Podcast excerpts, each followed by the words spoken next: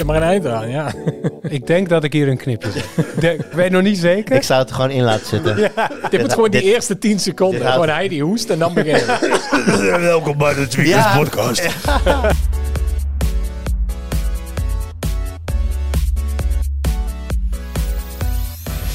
Hoi, leuk dat je luistert. Welkom bij een nieuwe aflevering van de Tweakers Podcast. Mijn naam is Wout en ik zit vandaag in de podcast met Thijs Hofmans, Hoi. met Jurian Ubachs Hallo. en met Arnoud Wokke. Hoi. En we gaan het vandaag hebben over, eh, over chat-apps. Dit is eigenlijk iets wat, wat, wat veel mensen wel heeft dwars gezeten. Denk ik, bij mij ook persoonlijk. Eh, toen mensen begonnen met het woord WhatsAppen en appen als werkwoord te gebruiken, dacht ik altijd, oh nee, nee, nee, moeten we niet hebben. En op een gegeven moment werd alles Wel, werd gewoon wel. appen en WhatsAppen. Ik, heb je, ik heb je hier later nog even over. Ja, dat, is, dat, dat nog wat doen. Eh, maar als het in de EU ligt, gaan we inderdaad gewoon... Nou, dat, dat misschien niet alles wat ze hebben gaan noemen, maar er is ongeveer alles hetzelfde. Want wat hebben ze nou gezegd in een nieuwe eh, eh, voorstel voor wetgeving in ieder geval, dat alle chat-apps onderling met elkaar moeten kunnen babbelen. Dus dan WhatsApp je gewoon over Signal, of dan WhatsApp je over Facebook Messenger, of dan Telegram, wat je wil. Ik signal je later. Al de, al, al de apping. Ehm, maar eh, is dat wel een goed idee? En, en hoe zit het eigenlijk? Daar gaan we het zo over hebben. Maar eerst natuurlijk de highlights. Jurien Ubachs. Je kan echt de klok erop gelijk zetten Ja. gewoon. hè? Ja, nee, ik, eh, ik begin Je zit wel. ook tegenover me. Ik Ik, begin kijk wel. je recht in de poppetjes ik, van zat, je ik, zat, ik zat er helemaal af. Drie, Twee, één. Ja, ik zat ook. Ik Ja, zat al met mijn arm tuurlijk. zat ik klaar Altijd. om hem de volgende keer moet je in mijn dode hoek gaan zitten. Misschien helpt Ziet, dat. ziet niemand. We hebben, Nee, we hebben geen is, video eh, vandaag. er is- maar. Er is een hele hoop te bespreken, dus we gaan snel beginnen. Ehm, ik had er eigenlijk ook heel even kort... eh, ik heb twee, laat ik het zo zeggen, ik heb twee dingen waar ik eigenlijk over wil praten. Dus eerst doe ik gewoon heel snel, heel kort. Als jij een voetbalgame maakt en je wil daar de naam FIFA op plakken, dan kostte jou dat tot nu 600 miljoen voor een periode van vier jaar, geloof ik. Koop je. Koop je. Maar FIFA heeft bedacht, nou dat vinden we te weinig, eh, we willen nu 1,2 miljard. En nu zegt EA van ja, wacht even. De meeste mensen in de wereld kennen FIFA van de naam op ons eh, voetbalspel. True. En maar één keer Ja. in de vier jaar, als er een WK is, is FIFA echt belangrijk. Want dan is het de FIFA World Cup, zoals later dit jaar. En dus zegt eh, bij monden van Andrew Wilson, eh, de CEO van eh EA, zegt, zeggen zij nu: we gaan het anders doen. We gaan over naar EA Sports Voetbalclub. Goed om te weten, de licenties lopen hier los van. Het is echt alleen de naam van de game. Dus de naam op het doosje, dan wel digitale product. Eh, clubs, spelers lopen allemaal via andere licenties. Die blijven allemaal aanwezig. Maar de kans is dus heel groot dat... Want is het nou officieel of was dat gerucht? Het is nog niet bevestigd, maar het is zo hardnekkig. Wel, het, is, het, het, is, het lijkt wel vast te staan dat, dat EA in ieder geval die 1,2 miljard niet wil betalen. Is er natuurlijk nog een kans dat FIFA zegt van, oh ja, nou, dat vinden we dan toch ook wel erg jammer. En ja, ehm, kijk, het kost, het kost FIFA natuurlijk zelf niks om, om, om die naam ter beschikking te stellen. En als niemand anders hem gaat wil kopen, ja, dan heb je je naam die je niet hebt verkocht. Aan de andere kant voor EA, als ze hier dus geen game minder omverkopen, dat kan ik me heel goed voorstellen, dan heb je dus gewoon in één klap, door niks te doen, 600 miljoen verdiend. wauw. Ja, Ja, dus ze moeten wel overal vanuit, vanuit de oude prijs. aan- vanuit de oude prijs. Ja, naampjes aanpassen en zo. Ja, ik weet niet, want de, de oude games vallen natuurlijk nog onder de oude eh, licentie. Misschien, nou, je, je hebt kans dat ze niet meer de naam FIFA mogen aanbieden in de store. Dat dus ook alle oude FIFA's in de online winkels Ja. hernoemd moeten worden. Dat zou nog wel iets van eh, werk zijn. Control maar voor de rest eh, denk ik inderdaad dat, dat het in de volksmond gewoon FIFA blijft heten. En Tuurlijk. Dat in, daar staat dan EA Sports Voetbalclub. En, dan staat er, en ze hebben nog steeds wel licenties waar de naam FIFA ook in voorkomt. Dus dat, dat, daar zouden ze nog wel creatief mee En dan kunnen zeggen zijn. mensen, hey hier, wil je vanavond een potje e-sport voetbalclub mij EA, spelen? EA, En EA, dan FC, EAFC, hè? EAFC. Dan zeg je. EA Sports Voetbalclub. Mijn favoriete video, eh, videogame is EA Sports Voetbalclub. Voetbalclub, Ja. ja, een beetje in de lijn van e-voetbal PES 2020 en 2021 eh, dit. Dus eh, nou ja, het, het is inderdaad nog niet helemaal bevestigd. Dus hoe dit verder gaat, dat is nog even... Oh, dat is niet handig. Dat is nog even de vraag. Maar ehm, het lijkt er in ieder geval op dat de, de game die sinds 1993 FIFA op zijn doosjes heeft gehad, eh, daar nu mee gaat stoppen. Dat was de korte versie. eh, en eigenlijk misschien ook wel net zo kort. Ja, toch wel eh, eh, opvallend. PlayStation Plus, die de, de, de, zeg maar, zijn online, PlayStation dat zijn online strategie aanpast. Ik denk in een poging om Game Pass wat nadrukkelijker te gaan volgen. En in plaats van dat je dus, je hebt nu één PlayStation Plus abonnement. Daarmee, dat heb je nodig voor heel veel games om online te gamen. Maar je krijgt ook korting op games. Je krijgt elke maand een aantal gratis downloadbare games. En kijk, zijn er nog meer voordelen? Weet ik even niet uit mijn hoofd. Maar dat gaat veranderen. Ehm, er komen er drie. En afhankelijk van wat jij belangrijk vindt wat jij leuk vindt, kun je daar dan een van de, eh, een van de, de modellen in nemen. En je hebt dan ehm, Plus Essential, dat is eigenlijk wat het nu soort van is. Met inderdaad de mogelijkheid om online te spelen. Eh, korting, cloudopslag, dat hoort inderdaad ook bij Plus. En je krijgt maandelijks dan twee gratis games. Maar daarboven komen dan nu duurdere abonnementen. Plus Extra en Plus Premium.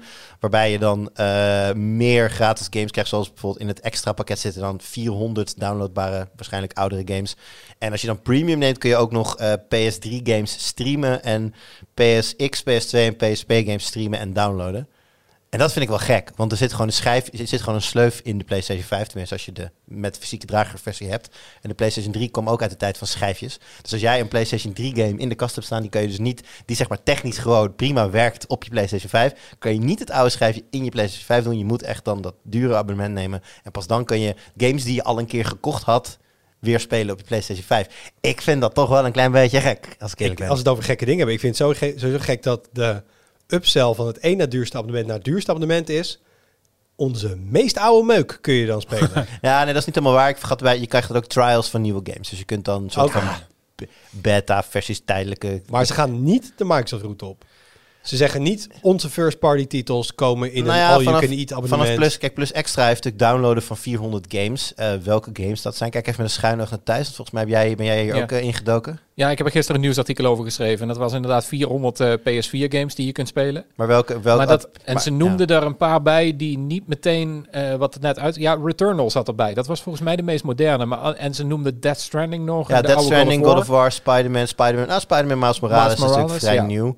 En Returnal is ook nog steeds redelijk nieuw. Dus inderdaad, dat, zou je, dat is misschien de Game Pass variant. Maar ze doen Maar niet ze- heel expliciet de belofte als Microsoft Nee. doet. Bij Microsoft weet ik, er komt een nieuwe Halo. Ik heb Game Pass, ik heb hem. En meteen ook bij launch. Ja, je hebt de meest uitgeklede versie. Hè. Bijvoorbeeld het Forza, dan, dan, had je, dan mis je natuurlijk wel wat content. Maar je, hebt, je, je kunt de game zonder meer spelen. Dus het pak zeg maar de volgende game van Naughty Dog. Als ik, ze beloven mij niet, als je het abonnement neemt, zeg maar de volgende Uncharted of zo, of The Last of Us Part nog wat.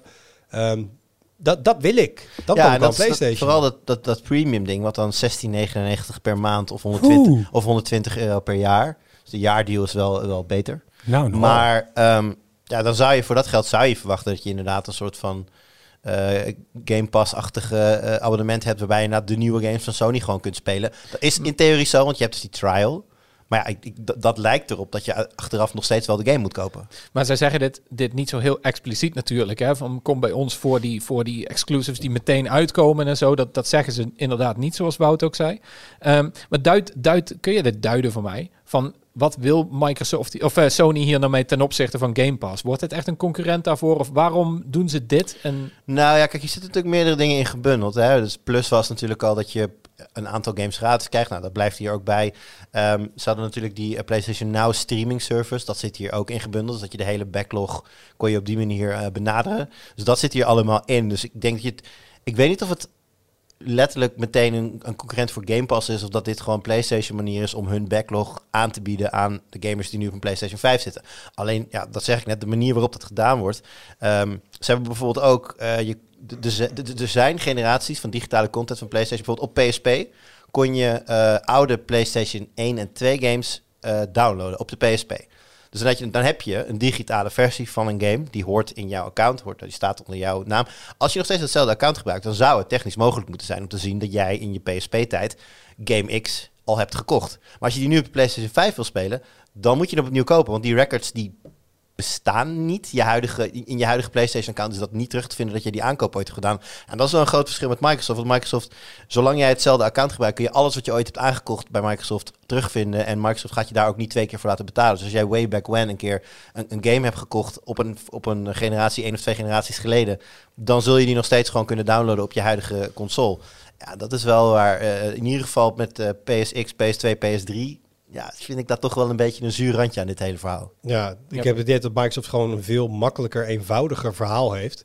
Van, hè, dat kun je echt in Ja. drie regels uitleggen. Bij Sony is ja, wacht, hebben we tiers en dit, dan krijg je gratis games, zeg niet welke. Dit en sommige dingen kunnen we hebben. Ja, het is heel, het is heel warrig. En Ja, want le- PS3-games die kun je dan ook alleen maar streamen. Maar PS2-games die kun je ook streamen en downloaden. Hè? Ja, dat zit dus ook dat, een dat, dat ook. Waarom zei je... Nou ja, daar heb ik wel een verklaring voor gelezen. En dat heeft te maken met de eh, andere architectuur van de PlayStation 3.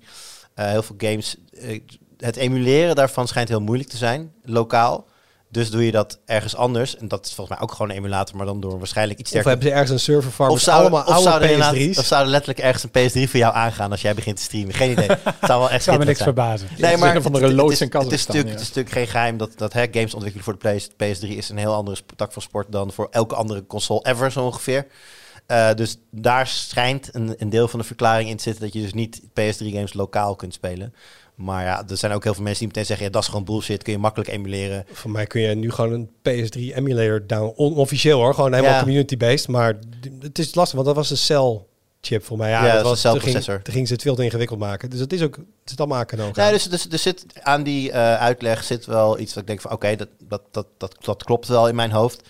Maar ja, met iets meer moeite had het vast wel mogelijk geweest. Maar ja, goed. Dat is, dat is inderdaad eh, wat het wel extra warrig maakt ook eh, thuis, wat je terecht zegt. Het is allemaal dit kan wel en dat kan niet. Dus maar dit. En eh, wat je net zegt, alle haken en ogen. Het is niet zo'n hele duidelijke propositie voor, voor je consument. En ik denk dat juist daar mensen die hier op zitten te wachten wel echt aan toe waren. Want bij Microsoft gaat dit al heel lang vrij goed.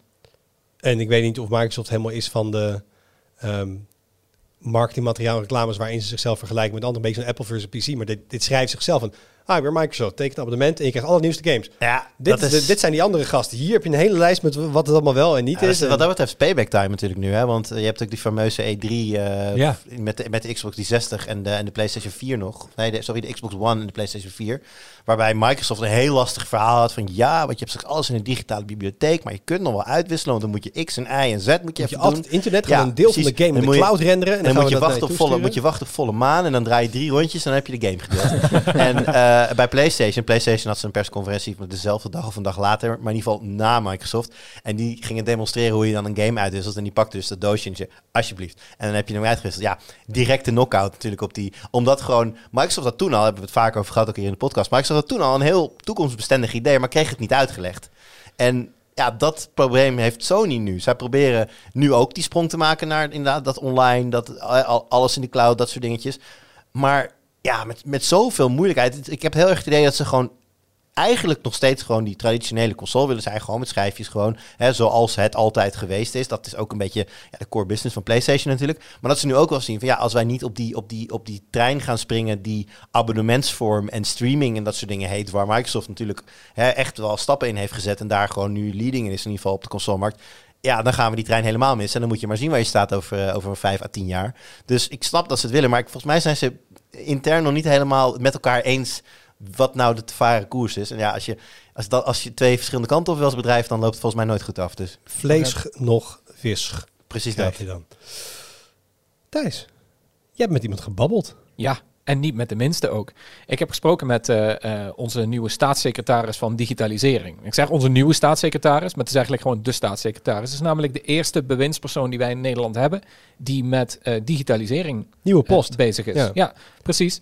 En ehm, ik had er een paar weken geleden, eigenlijk al toen het kabinet net was aangetreden, had ik gewoon een mailtje gestuurd naar de voorlichting met, joh, ik zou eens een keer met haar willen spreken van, wat, wat gaat ze nou eigenlijk doen? Want dat was heel lang, omdat het een nieuwe post is, heel lang onbekend wat nou precies ja, dat, dat werk gaat inhouden. Wat worden nou de belangrijke dingen? dingen. Ja, maar ja, digitalisering Cyber. is vrij breed. En cyber is ook een redelijk containerbegrip, zoals jij weet. dus ik, ehm, ik wilde gewoon weten waar ze nou eh, mee bezig ging. Ehm, toen had ze een paar dagen voordat we hadden gesproken... had ze voor het eerst een, eh, een brief gestuurd naar de Tweede Kamer... waarin ze eigenlijk zei van... dit zijn de dingen waar ik me op ga focussen. Er stond ontzettend veel politieke praat in, moet ik zeggen. Maar ehm, toen heb ik met haar gesproken. En een, een van de dingen wat ze... Was dat een fysiek eh, gesprek of was het een cybergesprek? Nee, dat was een, een, een telefonisch gesprek. Gewoon echt via de telefoon nog. Wat? Ja. Zij, was, eh, ze zat toevallig in eh, Straatsburg die week. Oh, ze stond in een telefooncel. Net, ja, we konden nog maar 20 minuten praten, want de KPN-bel te goed was op, helaas. Dus, nee, ehm, ehm, het, was, het was telefonisch, want ze zat toevallig net op een conferentie in, in Straatsburg met andere Europese beleidsmakers. En toen vroeg ik ook van, wat, wat ben je daar nou aan het doen? Eh, wat bent u daar aan het doen? Hey, van mijn belastinggeld. Heel, kom op, het klaar is. En ik zei, eh, wat doet u daar? En ehm, eh, en in het regeerakkoord stond een deel van wat de overheid belangrijk vond, was dat ze zeiden, de, de digitale dienstverlening van de overheid moet simpeler. En iedereen die de afgelopen jaren een klein beetje heeft meegemaakt hoe dat gaat met bijvoorbeeld de Belastingdienst en noem het maar op, die weet dat die digitale dienstverlening niet al te best is. Ehm, het is soms heel moeilijk om ergens terecht te komen bij de overheid, want dan loop je tegen allemaal loketten aan, aan. het, aan het loket ligt waar je moet zijn. Soms heb je, nou, alles rondom COVID hadden ze best wel Nou, netjes in, eh, ergens inloggen, digitale hub, inloggen, afspraak maken, uitslag. Dat waren moderne dingen. Dan denk je, nou, dit is best goed geregeld. Dan Ja. moet je soms bij een achterdeurtje zijn. Wout, dit is precies wat Alexandra van Huffelen ook zei. Die zei, ehm, wat, ze, waar ze eigenlijk op neerkwam was dat ze zei van... ehm, in jouw leven heb jij heel veel verschillende loketten waar je naartoe moet... voor iedere levensgebeurtenis. Dus als jij gaat studeren, dan moet je naar de DUO toe. En dan moet je vervolgens ga je werken daarna, dan moet je naar de Belastingdienst. Dan word je werkloos, dan moet je naar het UWV toe. En dan eh, krijg je zorg ineens. En dan moet je zorgtoeslag weer ergens anders halen. En toen zei zij... In een ideale wereld koppel je al die dingen aan elkaar. Dus dat je eigenlijk één loket hebt voor alles. Gewoon je, pro, je, je, je, je profiel bij de overheid. Ja, een beetje wel. En dat valt ook allemaal een beetje binnen ehm, de plannen die de afgelopen weken, maanden zijn gepresenteerd over een Europese digitale identiteit. Daar is Europa, Europa heel erg mee bezig. We hebben een digitale wallet waarin je eigenlijk al jouw persoonsgegevens in, in, in één digitaal paspoort hebt. En Van Huffelen zei van dat, dat moet een beetje allemaal met elkaar gaan samenwerken. En het eerste wat ik toen dacht was, dat is nogal een project. Een behoorlijk ICT-project. En nou heeft Nederland daar nou niet bepaald de beste reputatie in. Als jij kijkt naar hoe het gaat met de Belastingdienst en hoe moeilijk zelfs de meest basale dingen al eh, moeten worden, eh, eh, hoe, hoe moeilijk het is om de meest basale dingen te veranderen. De- we hebben het hier in de podcast volgens mij ook wel eens gehad over die, over die ICT, of de, over de BTW op groente en fruit. Hè? Ja. Die, die Mhm. moet omlaag. Maar dat kan niet, want de ICT van de Belastingdienst is daar niet klaar voor. Allemaal dat soort dingen. En als je kijkt naar andere ICT-projecten, de omgevingswet die al jarenlang wordt uitgesteld om precies deze reden. Dan denk ik van, nou, ik vind het nogal een ambitieus plan. Ja, En toen zei één, zij- één burger-account. Het, Ja. het klinkt wel. En toen vroeg ik dan van, van ja, eh, Nederland is daar nogal, eh, het heeft daar niet de beste reputatie mee, dus nogal ingewikkeld dit.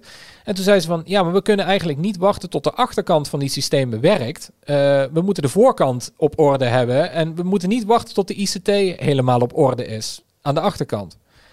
En toen dacht ik, ja, hoe- volgens hoe- mij, als je het hebt over nieuwe bestuursculturen en zo, dat soort dingen, ja, ik, ik, ik ben hier sceptisch over of dat, of dat iets gaat worden. zei ze dan letterlijk... Wij moeten gewoon zorgen in de, de user interface dat we dit gewoon allemaal als één geheel laten lijken. Dat het achter, op de achtergrond 20 systemen zijn, heeft een burger geen boodschap aan. Is dat een beetje die wat moet daar geen boodschap aan hebben. Die moet gewoon aan de voorkant moet dat werken. En hoe dat aan de achterkant wordt geregeld, ja, dat zien we dan later wel. Maar in de eerste plaats moet die voorkant kloppen, zodat de burger daar... Dat kan Ja. toch helemaal niet? Dat is alsof je een trein wil laten rijden, maar het spoor nog niet hebt aangelegd. Ik vond dat ook inderdaad nogal ambitieus, maar dit is wat, eh, wat ook in het regeerakkoord is en- afgesproken. En, als je hier met een groep ontwikkelaars over gaat praten, zeggen ze... eh, nee. Ja, Nee, dat lijkt me inderdaad, precies, dat lijkt me ook best wel lastig inderdaad. En dan heeft ze het een beetje over compa- compartimentaliseren, moeilijk woord. Ehm, ja, dat je zegt van eerst dit en dan dat, dus hakt het een beetje in stukjes op en dan gaan we dat één voor één doen. Ehm, maar ook dan, ja, dat is best wel lastig. En dat, dat vond ik dus wel een opvallend, eh, opvallend ding. Ik wil, ik wil ook niet alles spoilen natuurlijk, want ik zeg, ga het stuk lezen. Maar wacht, ik heb, ik heb nog wel een vraag voor je, Ja, Thijs. Zo'n zo'n Europese digitale identiteit. Bedoel, je hebt het nu over de uitvoerbaarheid en hoe moeilijk dat is. Maar vind je het als principe een goed idee of niet? Want er zijn ook mensen die daar eh, privacybezwaren tegen hebben. En helemaal niet willen Ja. dat de overheid al die data... Dat is inderdaad wat ik zat te denken. Als jij Dat een hele ik dikke, ook, ja. hele dikke lening hebt bij Duo, dan zijn er best wel momenten in het leven dat het helemaal niet handig is als alle andere systemen dat ook weten. Eh, ik ben heel blij dat mijn eh, studieschuld nooit ergens zo centraal geregistreerd is in één wallet toen ik mijn eh, huis ging, eh, ging kopen bijvoorbeeld. Bijvoorbeeld. Om er iets te noemen, ja. Ja, ik denk dat daar best wel veel bezwaren aan zitten. En dan wordt er natuurlijk altijd gezegd van, eh, eh, de- de- hè, je moet altijd controle krijgen over je eigen data. Dat is ook een heel belangrijk Europees ding nou. Gaan we dadelijk nog over hebben. Ehm, maar ja, in de praktijk werkt dat natuurlijk heel anders. En dat is een heel geleidende schaal. Dus ja, ik denk zeker wel dat dat een probleem is. Nou, behalve dus, ergens is wat ze zegt wel interessant. Als het aan de achterkant gescheiden systemen zijn, en als al die afdelingen niet in die data van elkaar kunnen kijken, maar aan de gebruikerskant vooraan zit het allemaal in één mooie pagina, één mooi overzichtje. Ja, ik weet, ik weet niet of dat kan werken, maar dan heb je ongeveer de beste both worlds. Dan is voor de Ik- gebruiker ik, lijkt Ja, ik vind het typisch zo'n gevalletje van... dat klinkt heel mooi als je het zo vertelt inderdaad... maar de devils in the details, die zijn er op dit moment nog niet... want het staat allemaal nog in de kinderschoenen en zo, zo'n projecten. Dus ja, het Wat echt ze daar iets over? Wat, wat voor soort toekomst, eh, pad, tijdlijn schetst zij hiervoor? Er is daar niet echt over bekend. Dit was het, en vergeet ook niet, ze is pas twee maanden aan de gang of zo. Hè? Dus dat is eerst vooral heel veel luisteren naar wat ze in Europa eigenlijk mee bezig zijn. Kijken wat er mogelijk is. En dat is niet iets wat vandaag of morgen wordt, wordt gedaan. Dus daar, nee, daar heeft ze zo niks over gezegd ook. Oké. Dus En dan nog een andere vraag, Thijs. Ik bedoel, we hebben nu een staatssecretaris voor digitalisering. Niet, niet een minister, maar een staatssecretaris. Ehm, en dat is dan iemand die eh, digitalisering niet eerder in de portefeuille heeft gehad, bij mijn weten. Vind je, vind je, denk je dat Ja. zij ter zake kundig is? Ja, weet je, dit is een discussie die je ehm, ook op ieder artikel dat wij schrijven over, over haar en haar rol en haar functie, eh, die zie je elke keer terugkomen. Het is altijd dezelfde discussie van... Moet ik ben je nou- lezer, Thijs. da- Daarom stel ik die Jij vraag. bent mijn lezer. Inderdaad, ehm, dan, dan is de vraag inderdaad van moet zo iemand kunnen programmeren? Moet hij uit de ICT komen? Ehm, ik denk persoonlijk dat eh, dit een, een, weet je, digitalisering is zo'n vakgebied, dat is zo veelomvattend, dat dat niet per se nodig is dat je met de poten in de klei moet hebben gestaan. Ik denk dat het belangrijker is dat je dat vanuit een managerspositie kunt, kunt behandelen. En dan moet je wel natuurlijk een beetje van de hoed en de rand weten. Dus je moet wel een beetje weten wat een algoritme is, of daar een beetje een definitie van kunnen geven. Maar ik denk dat een beetje politicus, en zij is wel een politicus met heel veel ervaring. Ik denk dat een politicus met veel ervaring dat snel genoeg doorheeft hoe je dat, eh, ja, hoe je, hoe je dat kunt duiden. Maar dat geldt natuurlijk voor elke post. Moet Ja, Wopke Hoekstra ambassadeur zijn geweest in een ander land. Eh, onze huidige vicepremier en eh, minister van Financiën heeft volgens mij geen financiële achtergrond. Het, het hele idee van maar als je het aan hun zou vragen, ja, wij zijn bestuurders. En Ja. in dat, eh, dat ja, pakket zijn- aan skills ja. is dat je ergens op een post gezet kan worden. Dat je goede mensen om je heen verzamelt. Dat je zorgt dat je heel goed gebriefd wordt. Eh, dat je de goede vragen weet te stellen. En dat je op die manier dan beleid kan gaan maken. En er zijn een paar ministersposten waar, eh, waarbij we heel duidelijk zien dat dat, dat dat wel een ding is. Bijvoorbeeld bij eh, Veiligheid en Justitie heeft tot aan Dilan Yesilgus, de nieuwe minister, heeft daar altijd een jurist gezeten of een, iemand die daar echt uitkomt. Ehm, je ziet nu ook bijvoorbeeld een Robert Dijkgraaf of een Ernst Kuipers, die allebei vanuit het werkveld komen, maar dat zijn uitzonderingen. En dus nee, ik denk niet per se dat iemand eh, daar, daar echt zelf uit die wereld hoeft te komen. Plus vergeet ook niet, um, zo staatssecretaris, dat zei ze in ieder geval zelf. Het is niet alsof je nooit met ICT te maken hebt natuurlijk. Hè? Want zij was bijvoorbeeld verantwoordelijk voor de toeslagenaffaire. Ja, Oh, dat is een goede op je lijstje. in ieder geval de lekker, eh, lekker. Nou ja, eh, kijk, ja, of je dat nou succesvol hebt gedaan of niet, daar blijf ik eventjes vandaan. Ehm, daar weet ik ook niet genoeg van, eerlijk gezegd. Maar dan weet je wel hoe algoritmes Ja. en ICT-systemen werken in Je ieder bent in ieder geval. bekend met het gevaar van Precies, Ja. Mhm. precies. Dat zei ze inderdaad ook, Oké. ja. Maar laten we in ieder geval zeggen, wil je nou eh, eh, weten wat Thijs... eh Ja, dan in moet je telefoon- kijken eventjes op tweakers.net. Tweakers.http, dubbele punt. Eh, want er staat een, mooi, staat een mooi verhaal op de, op de frontpage. Arnoud, Ja, als je PlayStation Plus Premium hebt genomen voor eh 17 euro per maand, dan ben je er natuurlijk niet met je abonnementen. Want je kan in de toekomst wellicht nog meer abonnementen nemen. Eh, Ik zag een reclame voor een auto-abonnement. Heb je dat al gezien? nee, vertel. dat Ja, heet dat- gewoon leasen. Nee, nee, nee, nee. Dat je dus echt gewoon een, een je ik abonneert je gehoord, op ja. auto. Je kan hem dus ook ruilen op een gegeven moment. Gewoon, nou, vandaar ook een andere auto, een andere auto. Ik heb de, fine, de, de finer details nog niet gelezen, maar ik zag een reclame voorbij komen. Een auto-abonnement. Wauw. You will own nothing and you will be happy about it. ja. Maar er is dus nog iets blijkbaar, want Arnoud gaat niet aan op auto's. Dat is het niet. Nee, nee, het ging niet naar auto's toe. Nee, eh, iPhones. Eh, er schijnt, eh, en dat zegt mm, eh, Mark Gurman van Bloomberg, financieel die weet wel persbureau. een klein beetje waar hij het over heeft. Die weet waar hij het over heeft als het over Apple gaat. Die zegt dat er een, een hardware-abonnement aankomt voor, eh, voor, eh, van Apple. Voor iPhones dus. Er is nu al een soort van upgrade plan. Als je dat betaalt, dan mag je na 12 keer betalen een nieuwe iPhone. Maar dit is kennelijk dan iets anders. Dan kan je eh, een abonnement nemen op een iPhone-serie, neem ik dan aan. Dan zeg je bijvoorbeeld, ik wil altijd de Pro Max elk jaar. En dan kun je daar een abonnement op nemen, of de Pro, of een goedkopere, whatever. En dan, eh, dan kun je die elk jaar krijgen. En dan betaal je daar een maandelijks bedrag voor. In plaats van dat je in één keer alles moet ophoesten.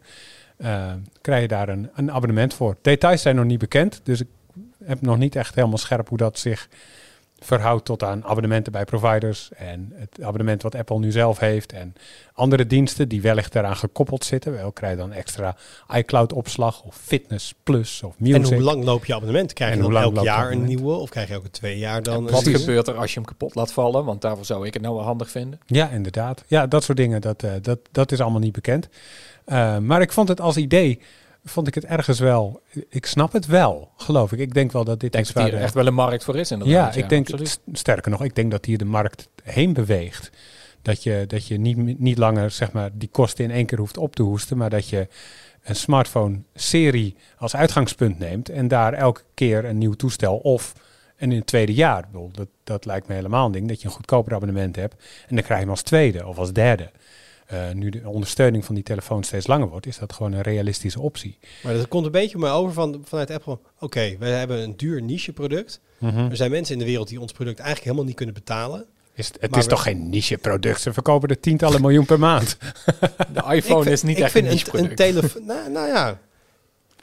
Even um, allemaal vanuit onze privilege, hier, maar gewoon een telefoon van 1300 euro kunnen kopen of zo. Op, op de wereldschaal vind ik dat nog steeds wel echt. Dat is alleen voor de select few hoor, die dat kunnen. Ja, maar die gro- groep van select few zijn is inmiddels wel zo groot dat ze dus... Nou, die willen en die dus denk uitbreiden. Dus ik denk ik- dat ze nu ook denken van ja, weet je, oké, er zijn dus gewoon genoeg mensen die geen iPhone kunnen aanschaffen. Zeker. Ehm eh, dit is natuurlijk ook een reden waarom, het zou ook met marketing te maken hebben, waarom ehm, eh, iPhones in, in Azië bijvoorbeeld of India, weet je, daar, daar veel minder populair zijn. En daar zitten veel mensen veel meer op goedkopere toestellen met Android. Ehm, daar is iPhone nog steeds voor mij best wel ook een soort van statusding. Maar ja, een iPhone, wie kan een iPhone krijgen? Mhm. Ehm, en hiermee kun je natuurlijk wel een, en dat vind ik er een soort van dubbel van, nu kunnen ze een iPhone gaan verkopen mensen die eigenlijk geen iPhone kunnen veroorloven. Ja, ik denk ook niet dat dat per se de insteek is, want ik denk niet dat het al met al veel minder gaat kosten. Maar wat je dan wel krijgt, en ik denk dat daarom dat dat is ten goede of ten kwade waar de markt heen beweegt, je bindt klanten op een ontzettend effectieve manier. En als je daar op deze manier voordeeltjes aan kan plakken, ehm, en dan kan het niet alleen voor Apple gelden, maar je kan ook een Galaxy S telefoon of een Galaxy A5 Nee, als nog Apple wat dit gaat doen, dan komt Samsung natuurlijk daar. Precies. Dat kun je... Maar hoe werkt het met dingen als schade en, en, en kwijtraken? en Geen dat dingen? idee. Want dat, dat is interessant. Kijk, bijvoorbeeld, eh, als jij bijvoorbeeld eh swapfiets hebt, een fietsabonnement. Zodra er iets gebeurt, komen die mensen op swapfiets naar je toe. Als ze die meteen kunnen maken, krijg je een, krijg je een andere. Daarom Ja. heet het waarschijnlijk swapfiets. En dan kun je gewoon door. Eh, zo werkt het met, met leaseauto's. Als jij een auto private leest, alle, alle reparaties en dat soort dingen vallen Ja. onder je leasecontract. Ja. Dus je, Dat zou hier ook zo'n abonnementsvorm. vallen. Precies, ik kan het zeggen. Als, ik, ik, luister hiernaar en denk van, nou, ik vind het, ik ben ouderwets, het fijn om dingen te hebben, dat het voor mij is.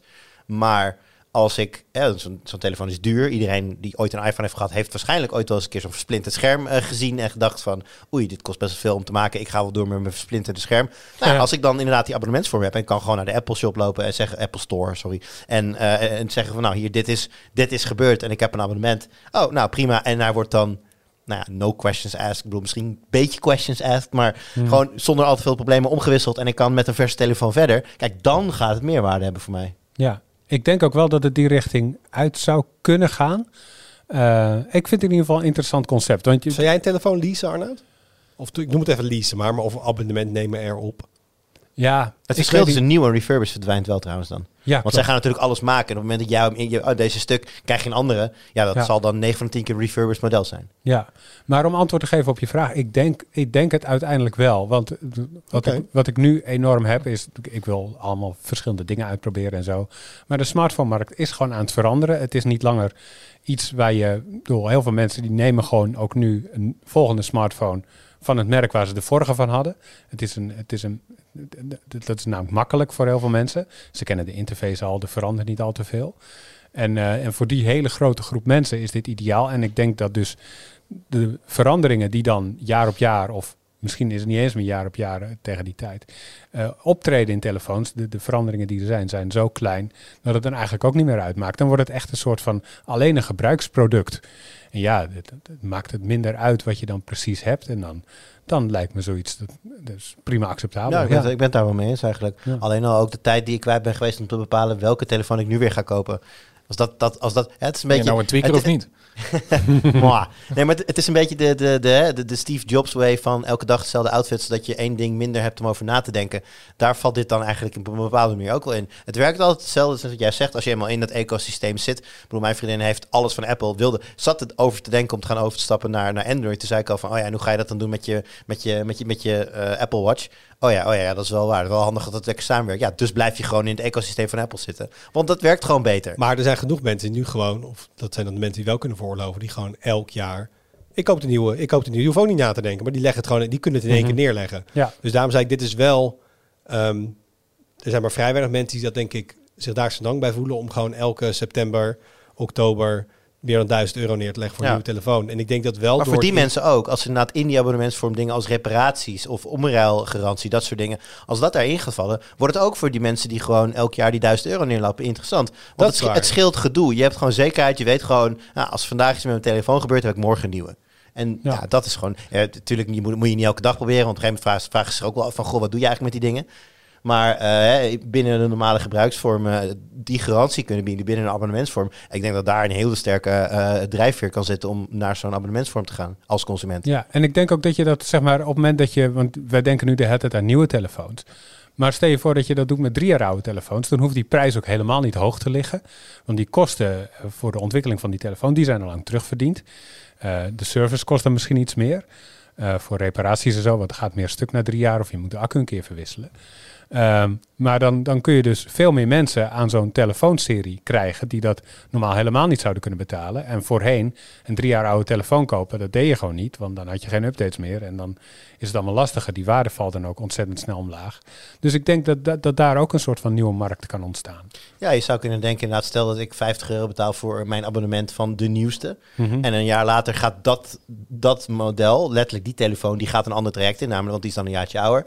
En dat ik misschien wel kan kiezen van, oké, blijf ik in mijn huidige plan en lever ik hem in, haal ik de nieuwste op? Of ga ik gewoon een stapje mee naar beneden met deze, rijd ik die golf van de iets goedkopere versie uit en ga ik dan daarna weer, het jaar erop weer naar de duurdere? Ja. Dan, kun je, dan kun je heel flexibel in zijn als, als Apple zijn. Nee, ik, ik zie zeker de voordelen. Ik, ik zie ook, waar we het ook vaak genoeg over te hebben met, met streamingdiensten en zo, al die abonnementen die zich maandelijks opstapelen. Je wordt elke maand er weer dat je ervoor betaalt.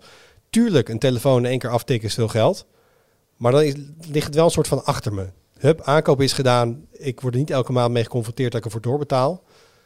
Dat, eh, en, eh, ik, ik zou niet weten wat ik doe. Ik zit nu nog heel erg in het midden, denk ik. ik, ik Smartphone hoppen wordt het nieuwe fothoppen, Wout. Misschien wordt smartphone hoppen het nieuwe voltoppen. Hey, ik had ook nog een korte highlight, want we zitten best wel, eh, gaan lekker in de tijd. Gewoon heel veel in de categorie in, eh, zeg maar, als ik de- de eindredactie op deze review had gedaan, had ik denk ik als subkop gezegd, wie dit koopt is gek. Eh, want eh, Nvidia heeft de, de, de RTX eh, 3090 Ti uitgebracht. Want natuurlijk de 3080, toen kwam daar een Ti, kwam 3090.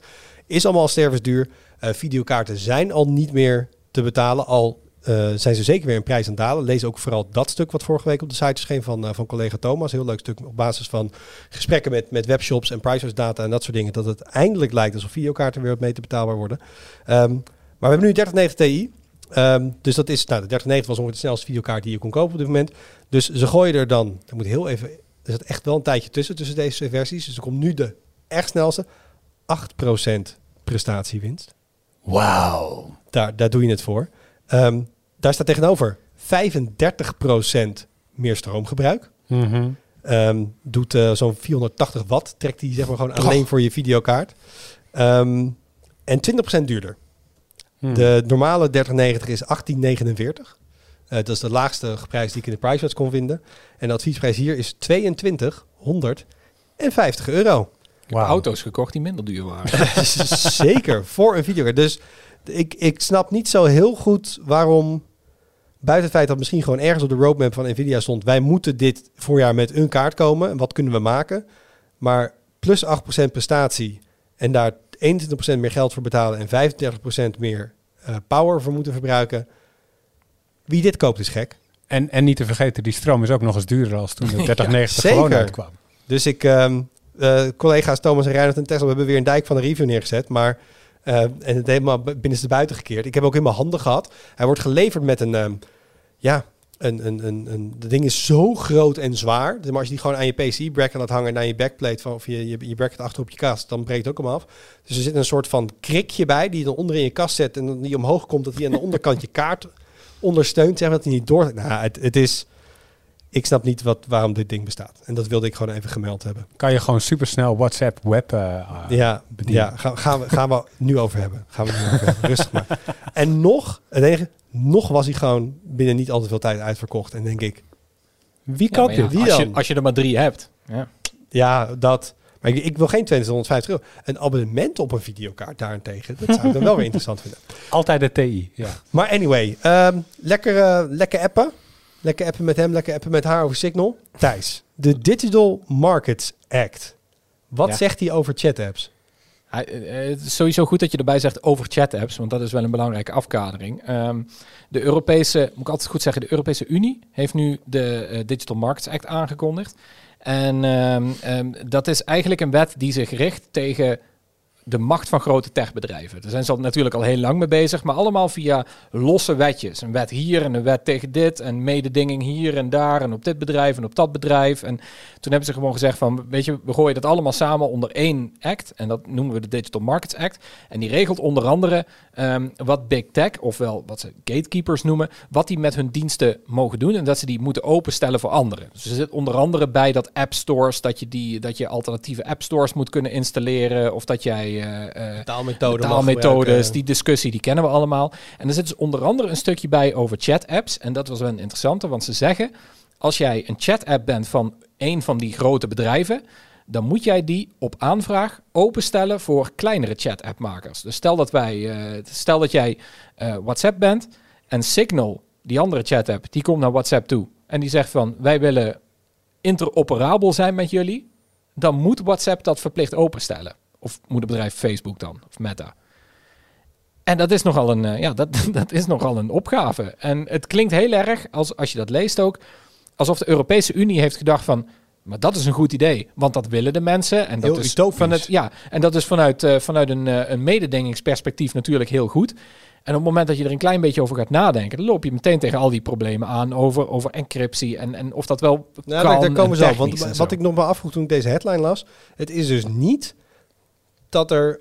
ehm, dat je... ehm, Hoe zeg je dat een beetje? Ik had vroeger op mijn desktop had ik Trillion. Dat was een chat app Mhm. en daar Oh, kon ja. ik gewoon allemaal diensten inhangen. Dus ja, ik had Pigeon inderdaad. die waren wel hetzelfde, los van ja. elkaar. Maar ze waren dan gebundeld in één app. Dus is, het, Nou, is, het is niet dat... Frans of zo. Dat- Ja, heb ik ook gehad, ja. Frans, dan kon je dat ook Ja. allemaal Met, inhangen. met, Ja. met een Z. Dat, is- dat zijn inderdaad van webviewtjes. Maar het is dus niet dat ehm, Signal zegt van ja, wij willen in onze app via een soort API ook WhatsApp-gesprekken kunnen opnemen. Maar dat aan de achterkant wel gewoon allemaal verschillende diensten zijn. Dat, dat voldoet niet aan deze app. Eh, dat, dat zou Signal in principe kunnen doen als ze naar, Signal, of naar WhatsApp toe gaan en zeggen we willen WhatsApp kunnen integreren. Maar je moet dat per dienst moet je dat regelen. Dus kijk, en er zijn twee manieren om dat te doen. Aan de ene kant is om, om inderdaad naar, naar WhatsApp toe te gaan en zeggen ik wil met jullie samenwerken. En dan vervolgens naar Apple toe gaan en zeggen we willen iMessage erbij. En naar Google toe en we zeggen wat heeft Google? Duo, Hangouts, Meet, whatever Google vandaag de dag heeft. Wat hebben ze morgen? Ja, precies. En al die dingen bij elkaar. En dan heb je drie, vier, vijf verschillende API's. En die gooi je dan in één appje samen. Dat zou kunnen. Of je zou kunnen zeggen van al die chat-apps moeten met elkaar eens een keer om de tafel gaan zitten. En zeggen van nou jongens, weet je, dit is zoveel gedoe. Laten we nou maar gewoon eens één protocol gaan gebruiken. Er zijn er al wel een paar. Het Matrix protocol of XMPP. Dat je dat nog eens aanpast en dat gaat gebruiken. Dat, zou ook vroeger kunnen. gewoon. Voor mij de, de eerste chat-app van Google. Ik weet wat, wat was het? Google Chat? Google... Meet, Ja. Google Hangout, Hangout. Google Voice. Nee, nee, G-chat inderdaad. Maar was, G-chat, was ja. ooit inderdaad XMPP. Dat kon je ook gewoon op Ja, andere manieren precies. Nou, dat, de- communiceren. dus je zou inderdaad kunnen zeggen dat al die partijen dus op een gegeven moment kunnen gaan beslissen om dat samen dan maar te gaan doen. Ehm, ja, het wordt één van die twee. En eh, ja, wat er in de praktijk gebeurt, dat, eh, dat moet de markt maar uitwijzen. Maar dat is niet de, de opzet van de wet in ieder geval. Zijn hier al reacties op? Eh, de, experts zijn sowieso, de, die denken van dat wordt helemaal niks. Met, dat zijn met name cryptografie-experts en zo, die, die, die zien heel veel problemen met, met encryptie daarop. Ehm, ja, de grote techbedrijven die lobbyen hier natuurlijk tegen. Die lobbyen tegen die hele wet in het algemeen. Dat spreekt ook voor zich. Ehm, maar verder is er eigenlijk maar één bedrijf, moet ik zeggen. Ik weet niet eens of is Matrix een bedrijf. Matrix is eh, die dat ja, volgens mij is het een stichting of zo. Die maken in ieder geval een protocol en dat eh, dat is bedoeld om decentraal encrypted te kunnen eh, eh, chat apps te kunnen maken. En die hebben wel gezegd van de theorie is heel goed daarachter. We zouden heel graag dit willen. We willen heel graag interoperable kunnen zijn met, met WhatsApp en zo. Dus dat is goed voor het open internet. Alleen ja, de volgende vraag is hoe je dat technisch gaat oplossen. Maar die zijn daar niet, niet, niet meteen, die zeggen niet meteen van dat is onmogelijk, dat kan niet. Ja, maar dit Zijn kan toch op zich ook wel. Ja. Webpagina's versturen we over HTTP. We hebben e-mail, dat gaat over eh, SMTP. Ja, we allemaal, hebben, allemaal unencrypted, ja. nee, oké, maar de- daar kun je HTTPS, TLS. Ik bedoel, maar voor heel veel methoden van communicatie moet je je voorstellen van... hey Arnoud, ik wil jij een mailtje sturen. Je zit bij Gmail, hè? Eh, Shit, moet ik ook even je Gmail-account sturen? Ja, maar die zit bij Outlook, dus die moet... Nee, dat is interoperabel. Dat, dat kan gewoon met elkaar, want e-mail is een standaard. Dus het, het, het klinkt misschien iets wat heel ver weg van de huidige situatie staat. Maar je zou natuurlijk gewoon, zoals Metik dat zegt, een chatstandaard kunnen afspreken en daar met z'n allen aan werken. Net zoals in een soort van W3C, net zoals het web. En zeggen van oké, we gaan dit toevoegen. We gaan deze functie toevoegen. Je hebt een standaard mate van encryptie. Lijkt me heerlijk. Ja, maar. Ja, maar. Thijs, hoe werkt dat dan met encryptie als je zo'n standaard hebt? Kan dat? Poh, ehm, het, het- het- moet eerlijk zeggen, ik ben geen cryptograaf natuurlijk. Dus, Niet. dus het, weet het niet helemaal zeker. Maar je hebt, het probleem is een beetje met end-to-end encryptie. Dat je gewoon iets versleutelt op apparaat A en je ontsleutelt het op apparaat B. En daar zit niks tussenin. En, en, en daar zit volgens mij het moeilijke. Dat als je dit wil gaan doen en je wilt het interoperabel maken, dan moet het ergens halverwege moet het ontsleuteld worden. En Matrix die heeft bijvoorbeeld al gezegd van wij zien daar wel mogelijkheden in als jij eh, op de een of andere manier dat op één decentraal apparaat zou kunnen ontsleutelen, maar dan heb je altijd daar nog die zwakke plek zitten. Dus het kan wel, maar je, je moet ergens moet je dan inleveren op die veiligheid. Ergens moet daar een zwakke plek in kunnen. En het probleem met encryptie is altijd dat het, het is maar zo sterk als de zwakste schakel. En ja, daar loop je dan wel tegenaan. En eerlijk, ik, ik, ik weet niet technisch gezien wat, wat het verschil zou zijn met, met, met een HTTPS-verbinding of zo. Dat durf ik eerlijk gezegd niet te zeggen. Maar ik weet dat er ergens een zwakke plek tussen zit. servers tussen. Ja, Ehm Arnaud, en, en, maar we hebben toch ook gewoon RCS? Dat ging dit toch oplossen? Ha, ha, ha, ha, ha, ha. Eh, we hebben nog steeds RCS. Je kan het gewoon gebruiken als je dat wil. Heb je het gebruikt afgelopen vijf jaar? ik kreeg daar echt toevallig vanmiddag een mailtje van van Vodafone. Ja, dat er iets mee was. Ja. Nee, ik Ja. ontvang wel eens sms'jes. Is dat tegenwoordig standaard RCS? Of wordt het pas RCS als iemand een, een, een, een plaatje invoegt of iets anders? Of... Volgens mij wordt het dan RCS. Het is gewoon een, dan maakt het een soort van nieuwe MMS, denk ik. Maar eh, nee, RCS is gewoon nog niet op grote schaal toegepast en doorgebroken. Komt ook omdat het trouwens helemaal niet end-to-end encrypted is geweest in het verleden. Volgens mij waren er wel plannen om dat op een gegeven moment te doen. Ehm, maar het is ook gewoon heel lastig gebleken omdat bij alle telefoonmakers, nou, Apple hebben we weer, die, eh, die, die wil dat gewoon niet ondersteunen. Eh, en om bij alle providers eh, ondersteund te krijgen. Want ja, de clue van sms is dat het overal werkt, naar elke telefoon. En dat is met RCS gewoon nog lang niet het geval. Nee, dus dat gaat dit niet oplossen. En de clue, maar dit zou dus eigenlijk nog een betere versie van RCS moeten zijn. Een open, open een standaard waar alles in zit, waar Ja. iedereen mee aan de slag kan. Maar het Zo. probleem is dus dat chat-apps hebben zich gewoon in een heel andere richting ontwikkeld afgelopen, nou laten we zeggen, tien jaar. Ehm, ik noem maar even een paar dingen. Als je iMessage gebruikt, dat doet bijna niemand in Nederland, maar het, het, het kan. Dan kan je bijvoorbeeld memojis gebruiken, van die dingen die werken met die eh, TrueDepth camera op een iPhone 10 of hoger. Ehm, en, en dat kan niet in andere chat-apps. Je hebt een hele app store voor iMessage, waarin je toepassingjes kan, eh, kan, kan downloaden. Eh, die werken met iMessage. Eh, die werken ook niet met andere chat-apps. In WhatsApp heb je WhatsApp bellen, videobellen, eh, groepsbellen, eh, stickers. Je Eh, mist de reactie-emojis juist re- weer. Precies. Maar zit dat er allemaal in?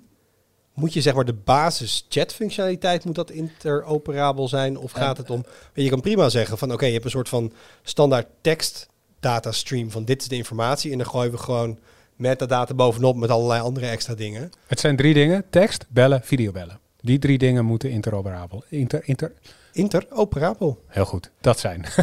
En er komen wel ook verschillende termijnen voor. Hè? Er staat in, in de ergens, het moet nog allemaal door de wet worden, worden doorgevoerd. En waarschijnlijk komt er in de eindwet te staan van dat als jij eh, als, als, als Signal dat gaat vragen aan WhatsApp, dan heeft WhatsApp drie maanden de tijd bijvoorbeeld om te zeggen van wij maken alle tekstberichten eh, één op één maken we encrypted. En dan vervolgens krijgen ze een jaar de tijd om hetzelfde te doen voor videobellen en eh, drie jaar de tijd voor groepsgesprekken. Dus daar zit, daar zit wel enige, ja, daar zit enig gemak in. Dus vanaf het moment dat dit wet wordt, dan gaan natuurlijk die eerste verzoekjes komen. Hebben we, maar moeten drie jaar wachten. En daarna hebben we alle functionaliteit. ehm, Ja. ja, ik denk dat dat sowieso nog heel eventjes gaat duren, ja. Waarschijnlijk naar verwachting sowieso is die wet pas in oktober een keer dat die echt definitief wordt afgehamerd in Europa. Want dan moet er al die Europese laag heen. Door de Europese Commissie, de Unie, de Raad, weet ik veel. Ehm, en daarna gaan waarschijnlijk de eerste verzoeken komen van, van de partijen die dit überhaupt willen. Hè? Want Dan dat is gaat ook het maar de vraag van wie dat nou echt wil. Maar dan gaat het mis. Dan krijg je een gigantisch veiligheidslek. Dan wordt het teruggeroepen.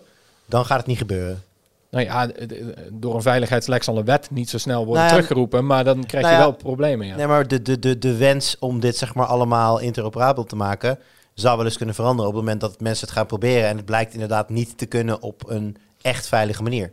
maar even, even los ervan. Stel dat het wel veilig kan.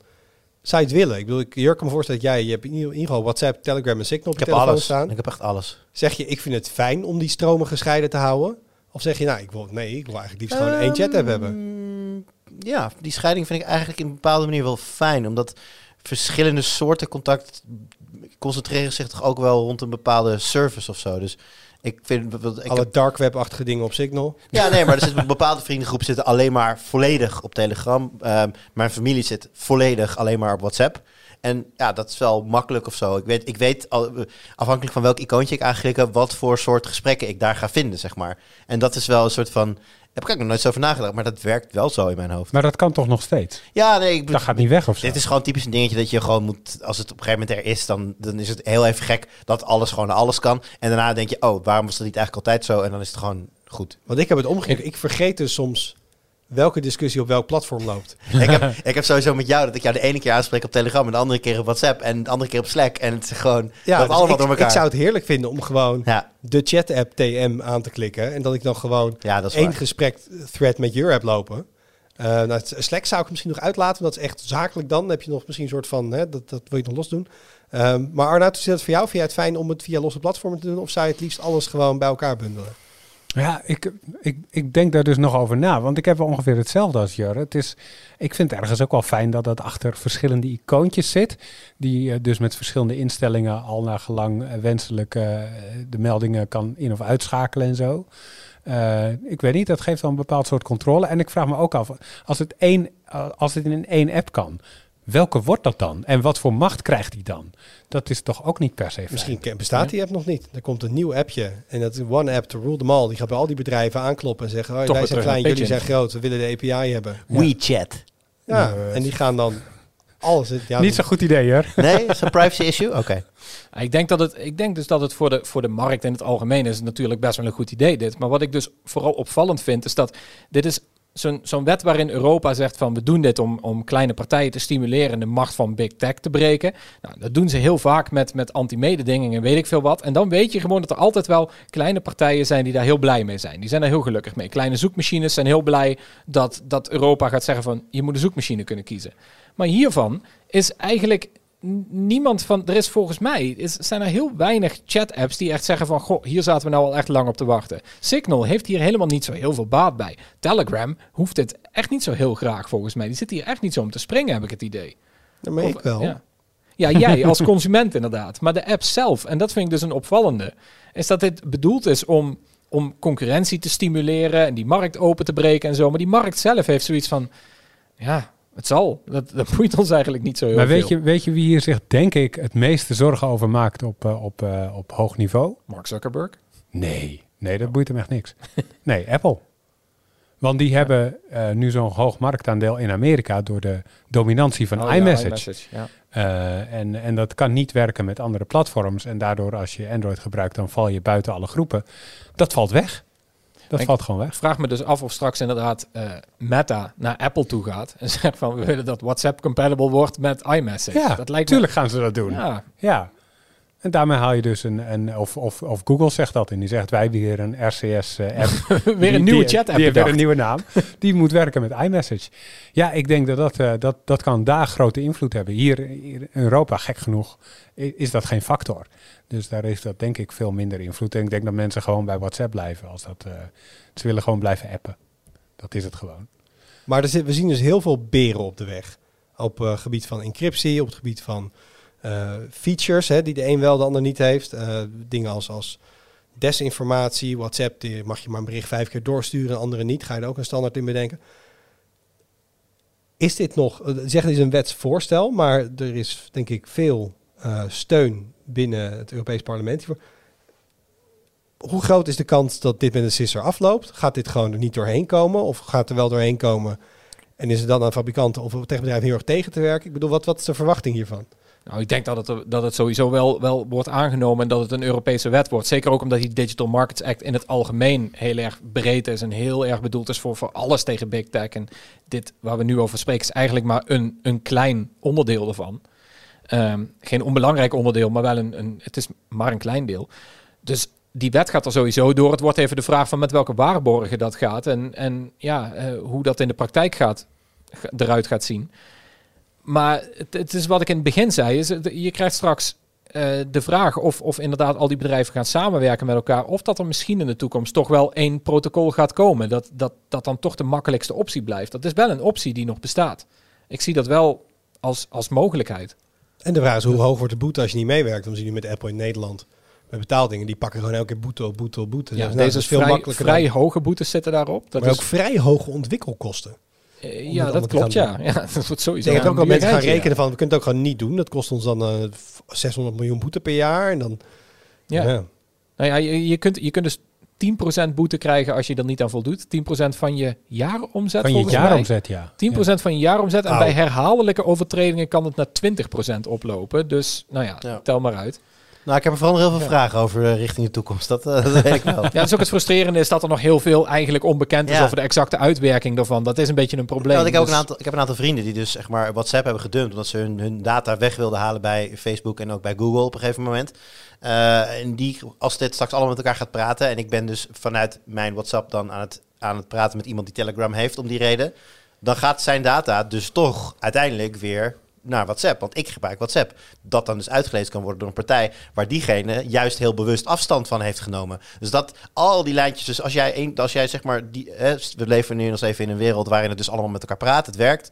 Dan, eh, zodra je een van die apps installeert, zul je dus akkoord moeten geven dat jouw data door al die partijen op de een of andere manier uitgelezen kan worden. Zodra jij contact maakt met iemand die die service. Dus eenzijdig zeggen: ik wil niks meer met WhatsApp te maken hebben, omdat data grote partij. Gaat je niet meer lukken dan. Dat, dat kan nu overigens ook al niet. Want als iemand zijn eh, WhatsApp gebruikt en die uploadt zijn adresboek. En dat doe je standaard. Dan staat jouw nummer daarbij. Dus dan ja, zit je daar al mee. Ja, nee, dat, dat, dat, dat is Maar- weer een ander issue. Maar een het wordt, punt het, wordt- het, het veel Ja. moeilijker om te zeggen van, nou, ik wil... Er zijn best veel mensen die ik ken die gewoon omwille van privacy alleen Signal willen gebruiken van de chat-apps. Ja, als je die in, dit grotere, in het grotere netwerk gaat gooien en je stuurt vanuit, vanuit jouw Signal naar iemand zijn WhatsApp of iemand zijn Telegram, ja, dan, dan ligt jouw verzendinformatie daar dus ook weer. Het idee wat ik gewoon heb, dat heb je wat vaker met wetgeving, dat er een heel mooi idealistisch beeld is. Van zo zou het in een perfecte wereld moeten werken. En dan wordt het ook uitgewerkt zonder ja, echt in, in oogschouw te nemen wat er dan allemaal wel niet voor shit. Je ik heb zoveel vragen. Wat je in de praktijk dan wel niet moet gaan uitwerken. En dit lijkt me er wel eentje. Ik bedoel, het is niet als er een paar beren op de weg zijn dat je moet zeggen, nou, dan doen we het maar niet. Maar ik ben heel benieuwd of ze al deze dingen al in ieder geval van tevoren besproken hebben. En daar een idee hebben, nou, maar daar gaan we wel uitkomen of zo. Ja, het, het, het klinkt inderdaad vooral alsof het een beetje een beslissing is geweest die vooral vanuit economische en, en, en marktwerking, technische oogpunten is genomen en niet zozeer vanuit het technologische. Ehm, wat, ik, wat ik op zich wel snap, want ja, het zijn politici. Ehm, maar en, en het wil ook niet zeggen dat er helemaal niks in mogelijk is natuurlijk. Hè. Er zijn al zo, die partijen zoals Matrix, die hebben een hele interessante blogpost geschreven waarin ze zeiden van nou, we vinden het idee goed.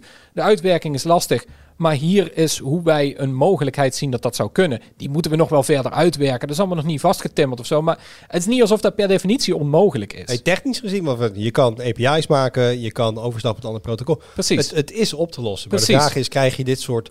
En, nou, en dat is juist het idee van dit soort marketex. Krijg je dit soort logge bedrijven met zoveel afhankelijkheden in beweging om dit te gaan doen? Ja, en dan is het inderdaad de vraag van, van, van is de Europese macht van de, in de politiek, is die sterk genoeg om die bedrijven daartoe te bewegen, om echt stappen daarin te maken? Want ja, als ze er zijn, dan ja, laat ze het maar proberen. Ik moet wel zeggen, heel persoonlijke noot.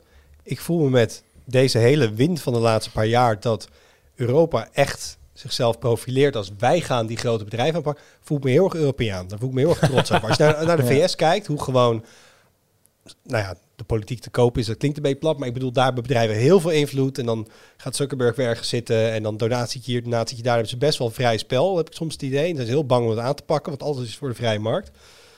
Misschien schiet Europa af en toe een beetje door, maar ik vind het wel tof. Oké, ik zou er heel graag mee eens zijn. Waren het niet dat, dat sommige van de dingen die in de Digital Markets Act staan, zoals eh, het moeten toestaan van alternatieve app stores en andere regulering van big tech, ook gewoon in voorstel is in Amerika.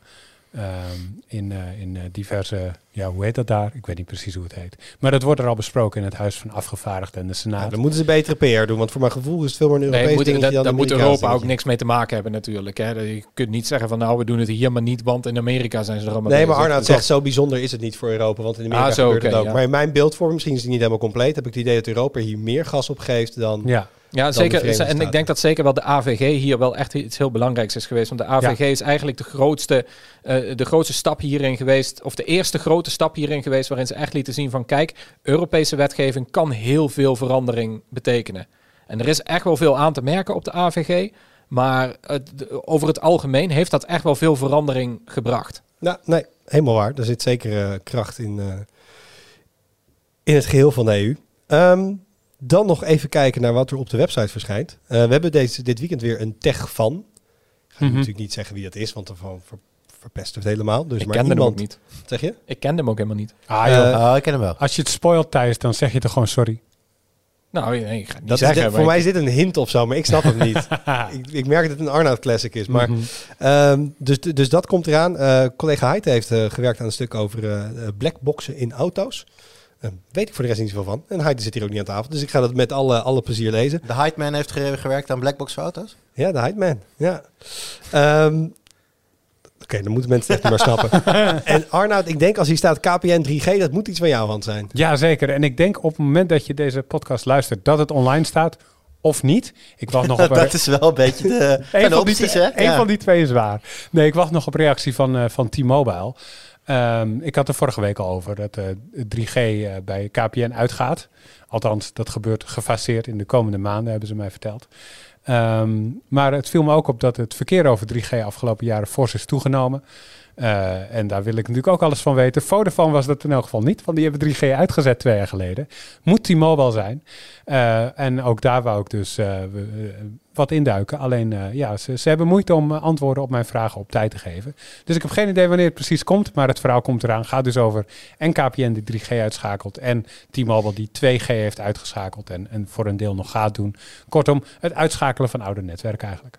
Check. Dankjewel. Dan rond ik hem hier af, heren. Ehm, bedankt voor het luisteren. Heb je feedback, die horen we heel graag. Je kan een comment achterlaten onder de punt geek. Of je kan ons even mailen op podcast.tweakers.net. En tot volgende week. Doei!